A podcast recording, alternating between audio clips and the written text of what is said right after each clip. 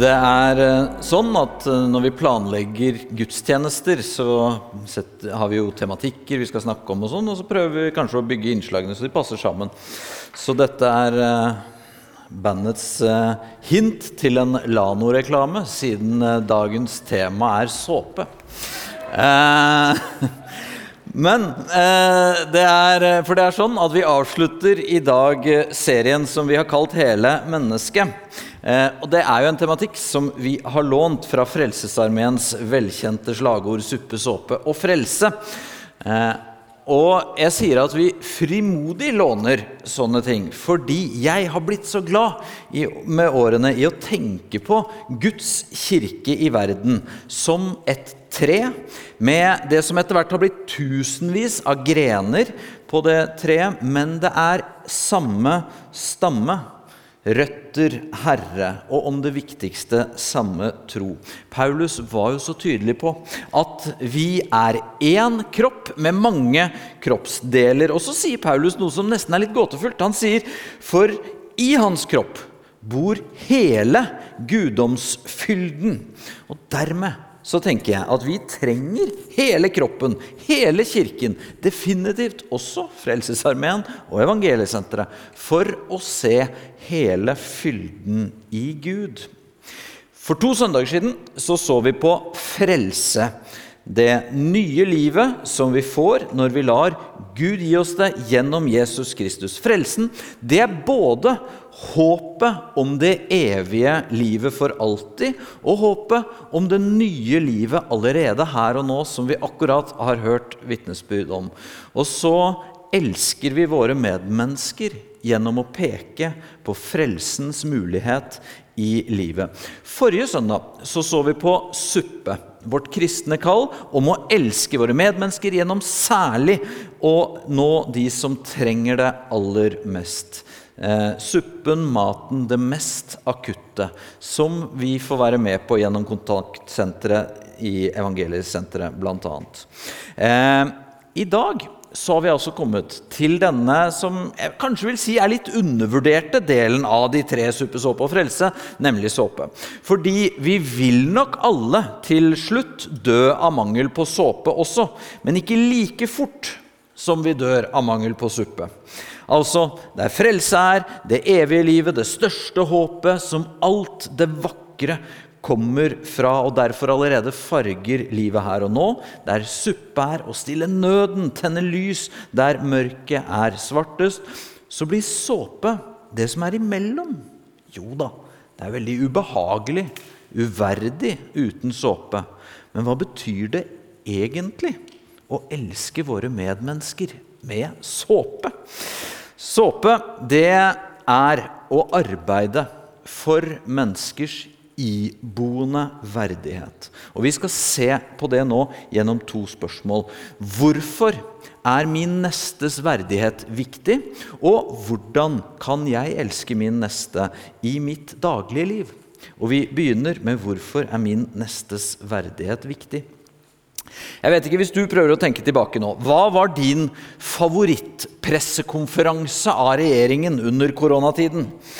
Ehm, for meg var det en av de aller første det var øyeblikket da journalistene begynte å presse Erna Solberg på om hun virkelig kunne forsvare så inngripende smitteverntiltak for å beskytte det som kanskje bare var noen veldig få i risikogrupper. Og da svarte Erna kraftfullt at en sånn risiko ville regjeringen ta. For vi er et samfunn som prøver å beskytte alle. Og jeg tok meg i å bli blank i øynene og stolt da jeg hørte på det. Og jeg vet jo ikke om Erna i det øyeblikket tenkte på det samme som meg, nemlig antikken for 2000 år siden. Det kan jo hende, men hun hadde også en del annet på gang da. Men det er i hvert fall sikkert at eh, på den tiden, i antikken, så ville ingen politisk leder ha sagt noe sånt. For på den tiden ville en sånn tanke vært fullstendig sprø. Var det noe som var selvsagt, så var det at alle mennesker har ulik verdi. Det var fullstendig opplagt at de sterkeste skulle utnytte de svakeste. Det var mer eller mindre poenget med å være sterk. Kvinner, barn, innvandrere, slaver hadde bare å akseptere det som de sterkeste ville gjøre med dem. Og det var på den tiden at Jesus begynte å spørre om prisen på småfugler. Selges ikke to spurver for én skilling, og ikke én av dem faller til jorden, uten at deres far er der. Ja, hvert hårstrå dere har på hodet, er talt, så vær ikke redde. Dere er mer verdt enn mange spurver. Ingen av oss i dag catcher hele bildet her, for vi kjøper jo aldri spurver, gjør det?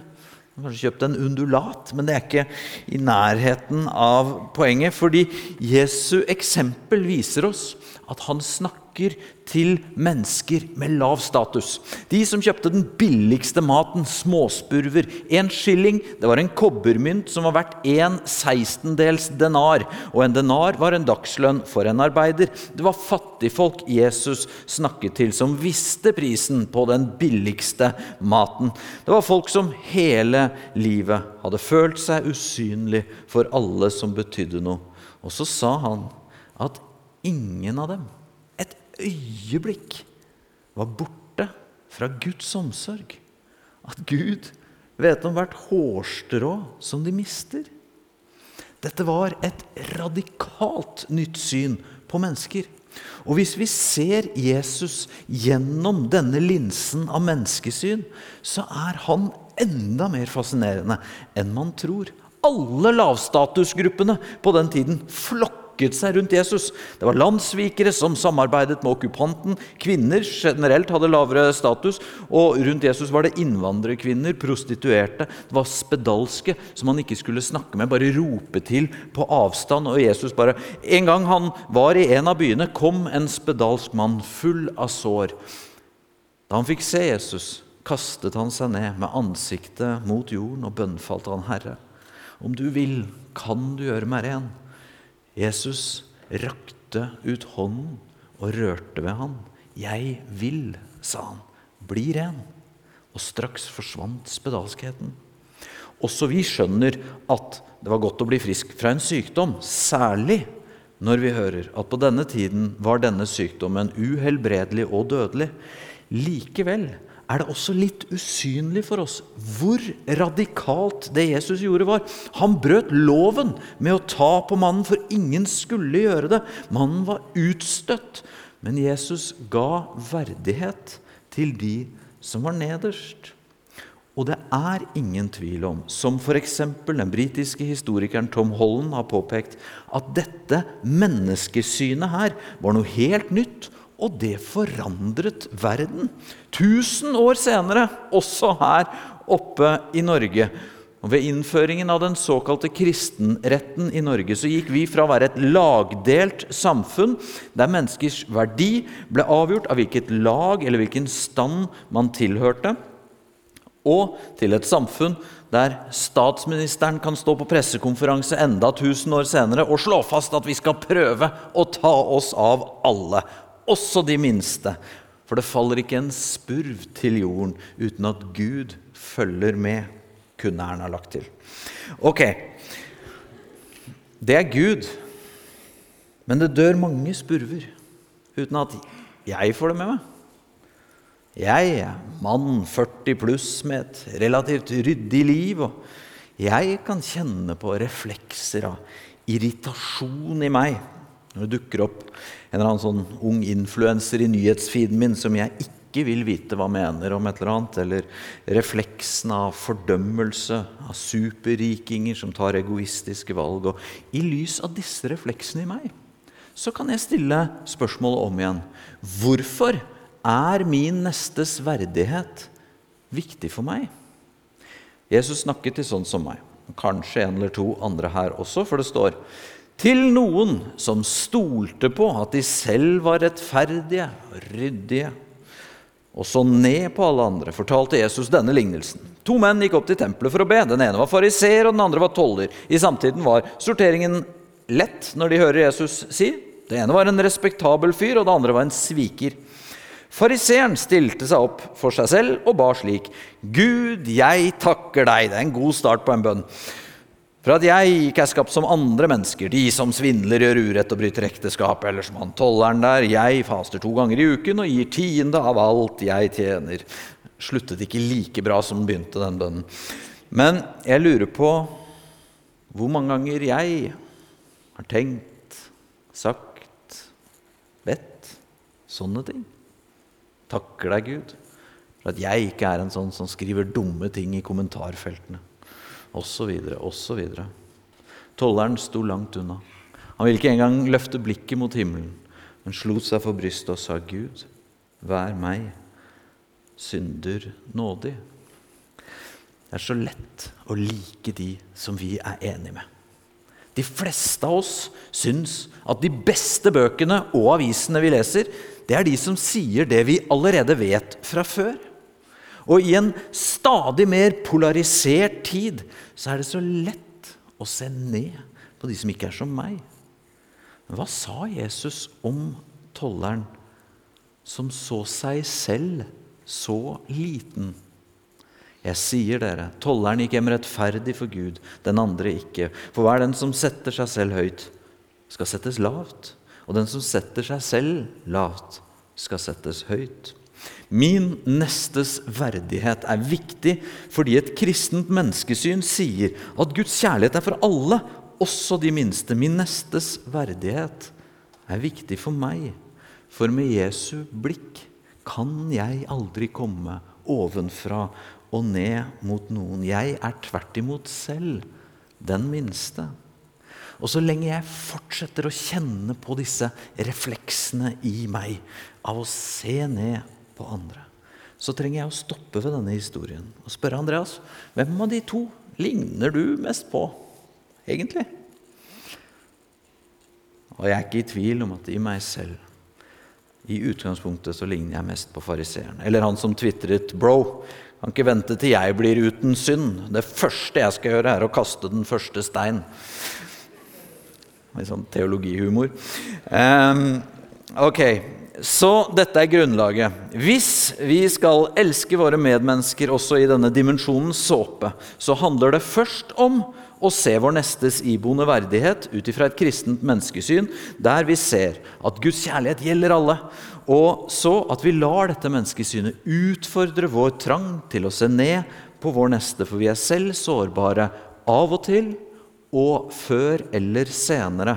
Og dette siste fikk vi en rørende påminnelse om i flere medier denne uken.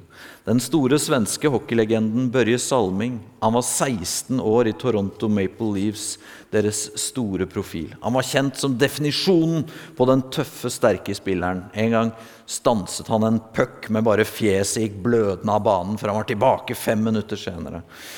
Nå har Salming fått ALS og blir raskt dårligere. Han kan ikke snakke lenger.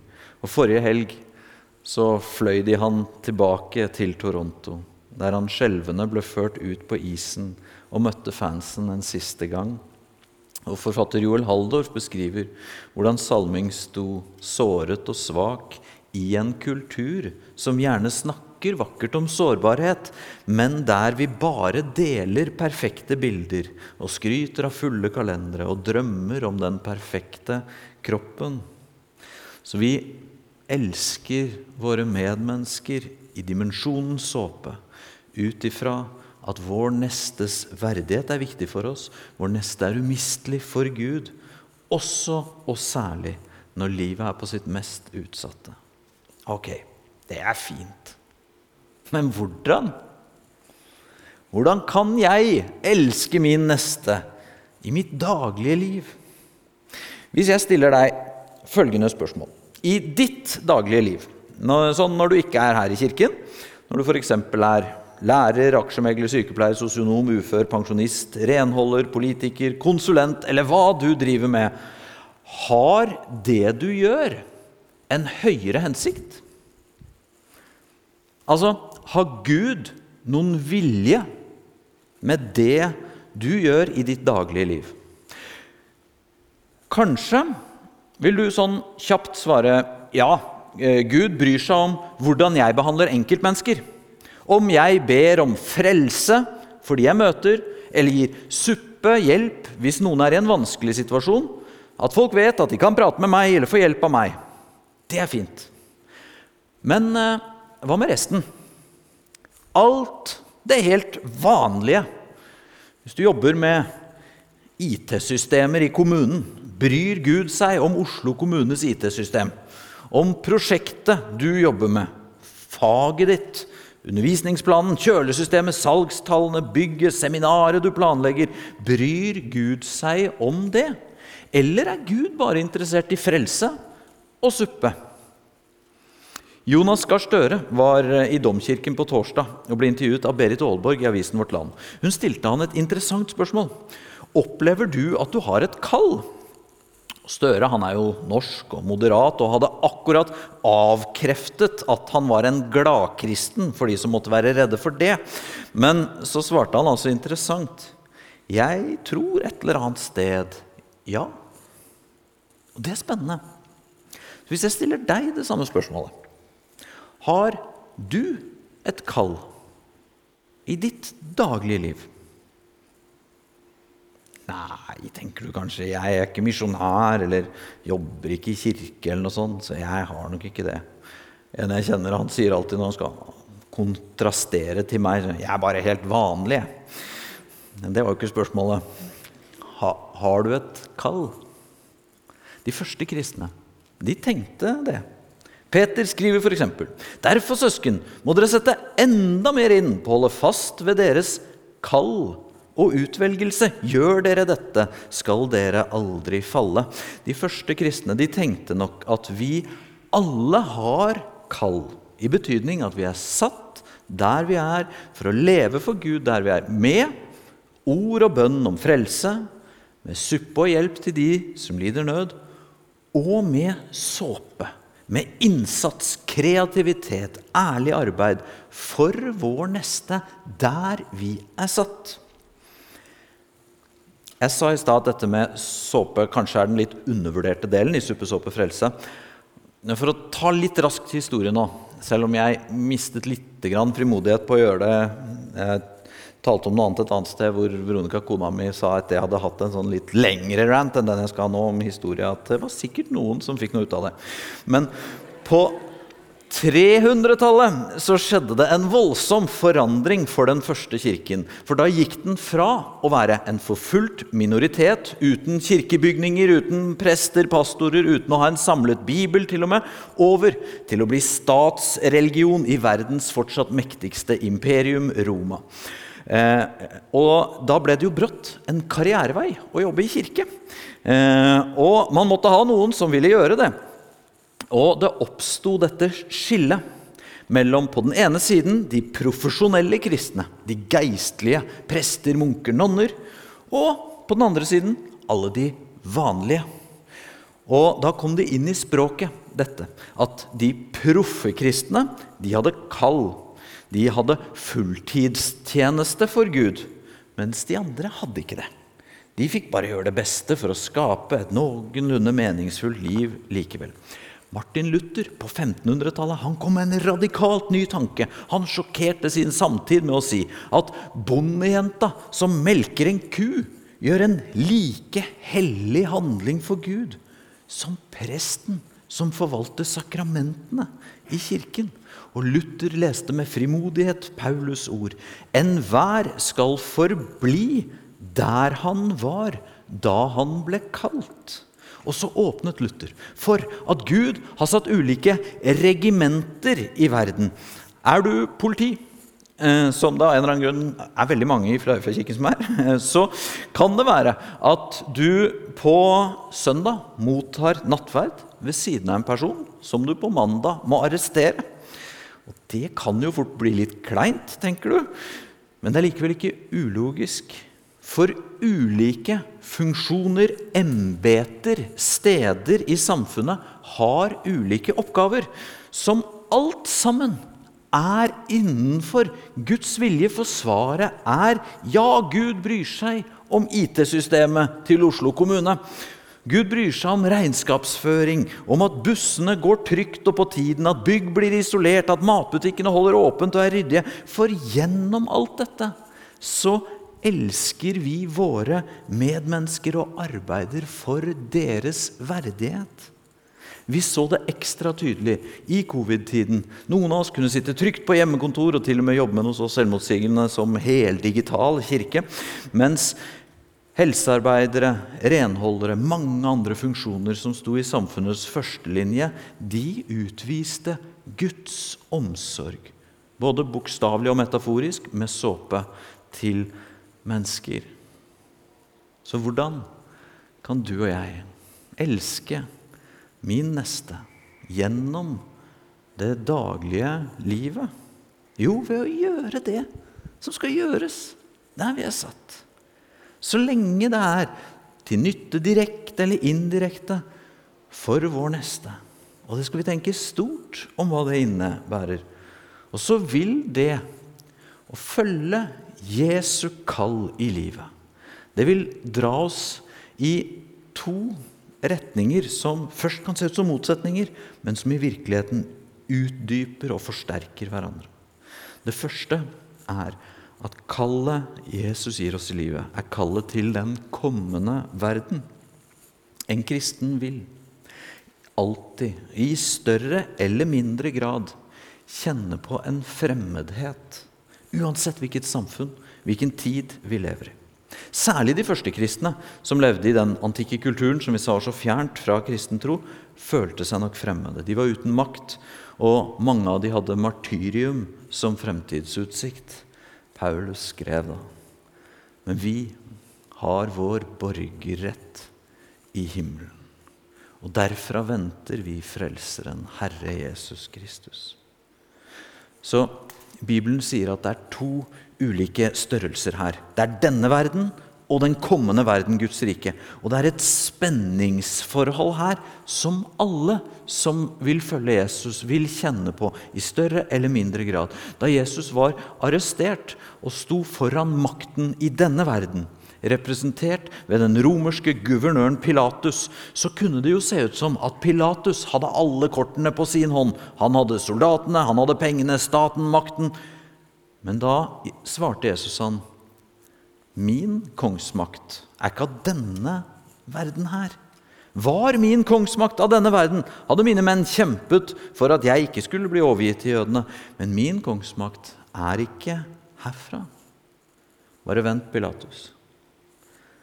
Om noen år så vil ikke du huskes som noe annet enn en fotnote i historien om den fattige snekkersønnen som du har foran deg. Og Sånn er det ikke bare for Pilatus, sånn er det for oss også. Det er noe vi gjør i livet som i denne verden så får vi skryt for det. Klapp på skulderen, og kanskje du til og med blir godt betalt. På hvilken sektor i samfunnet du velger. Men andre ting er det ingen som legger merke til. At du uke etter uke sørger for at den kaffen blir kokt, den trappen blir kostet, den innloggingen fungerer for de som kommer etterpå, eller at noen hilser på de som ingen ser. At det tar service på den bilen ingen tenker på. At alle tusen små og store usynlige ting vi gjør, som ikke syns her i denne verden. Men så sier kristen tro at i den kommende verden så blir hele valutaen endret. Og så vil det som ser stort ut her, det vil kunne se helt ubetydelig ut der. Og noe eller noen som virket helt uinteressante. Her er ingen som brydde seg om det eller om de. Det viser seg at det var det største du fikk være med på. Så vårt kall til en annen verden kan inspirere oss til å elske vår neste, også når det ikke lønner seg i denne verden. For vi vet at en dag så kommer valutaen til å bli forandret. Samtidig som vi har dette kallet til den kommende verden, så har vi et kall som kan virke som det går motsatt vei, nemlig kallet til denne verden. For det må aldri bli sånn at fordi vi venter på Guds rike, frelse, så skal vi ikke ta oss av jorden her og nå. Eller fordi vi er med å stille nød og gi suppe, så skal vi ikke tenke og arbeide langsiktig for denne verden. Et kristent kall, det går til omsorg for hele denne verden. Vi ber f.eks. i Salme 89.: Din er himmelen, og din er jorden. Du har grunnlagt verden og alt som fyller den. Det er ikke bare himmelen Gud bryr seg om. Det er også jorden. Det er ikke bare kirken. Det er ikke engang bare de diakonale institusjonene. Kristen tro er ikke en sånn exit-strategi for å komme oss vekk til den kommende verden, men at den kommende verden gir kraft, kjærlighet og visdom også i denne verden. For vårt oppdrag helt fra begynnelsen av er jo Gud velsignet dem og sa til dem, vær fruktbare, bli mange, fyll jorden og legg den under dere. Så vi er kalt til å bringe Guds kjærlighet, orden, system, velstand, helse til denne verden. Og fordi vi gjør det, ikke bare for vår egen skyld, men Gud kaller oss til det, så kan vi vite at gjennom å gjøre det, så arbeider vi for vår nestes verdighet gjennom vårt daglige liv. For som Paulus skriver Alt arbeid skal dere gjøre helhjertet, for det er Herren og ikke mennesker dere tjener. Så Vi har sett på hva som ligger i dimensjonen såpe. I suppe, såpe og frelse. Og vi har stilt spørsmålet hvorfor er min nestes verdighet viktig? Og sagt at det er det kristne menneskesynet. At Jesus sier Gud bryr seg om alle, og særlig de mest sårbare. Og så har vi spurt hvordan kan jeg elske min neste i mitt daglige liv. Og så har vi sagt at vi er kalt av Gud der vi er. Og at alt vi gjør som er til nytte for vår neste i en eller annen dimensjon, er en måte å gi verdighet på. Og vi kan leve i vårt kall til den kommende verden og til denne verden og la det forsterke hverandre. Og Jeg hadde lyst til derfor å slutte med i dag å be en bønn for deg. At du skal få se Guds kall. Og må få være en sånn bærer av såpe der hvor du er satt. Så nå vil jeg gjøre det. Far i himmelen, takk for at alle vi som er her nå, er satt på forskjellige steder. At du har lagt gode gjerninger foran oss som vi kan få gå inn i. Og nå har jeg lyst til å be om at du fyller med din ånd, sånn at vi får eh, være til nytte og til ære for deg der hvor vi er satt. Gi oss visdom og mot til å forvalte de posisjonene, embetene, funksjonene der vi er, enten i vårt private liv, yrkesliv, eller hvor vi er i vårt daglige liv. Så form oss til likhet med deg, Jesus Kristus, og gi oss å ære deg med livet vårt. Amen. Du har nå hørt en podkast fra Filadelfia-kirken i Oslo. Vil du vite mer om oss, gå inn på filadelfia.no. Og ikke minst velkommen til å feire gudstjenester med oss hver eneste søndag, enten fysisk eller online.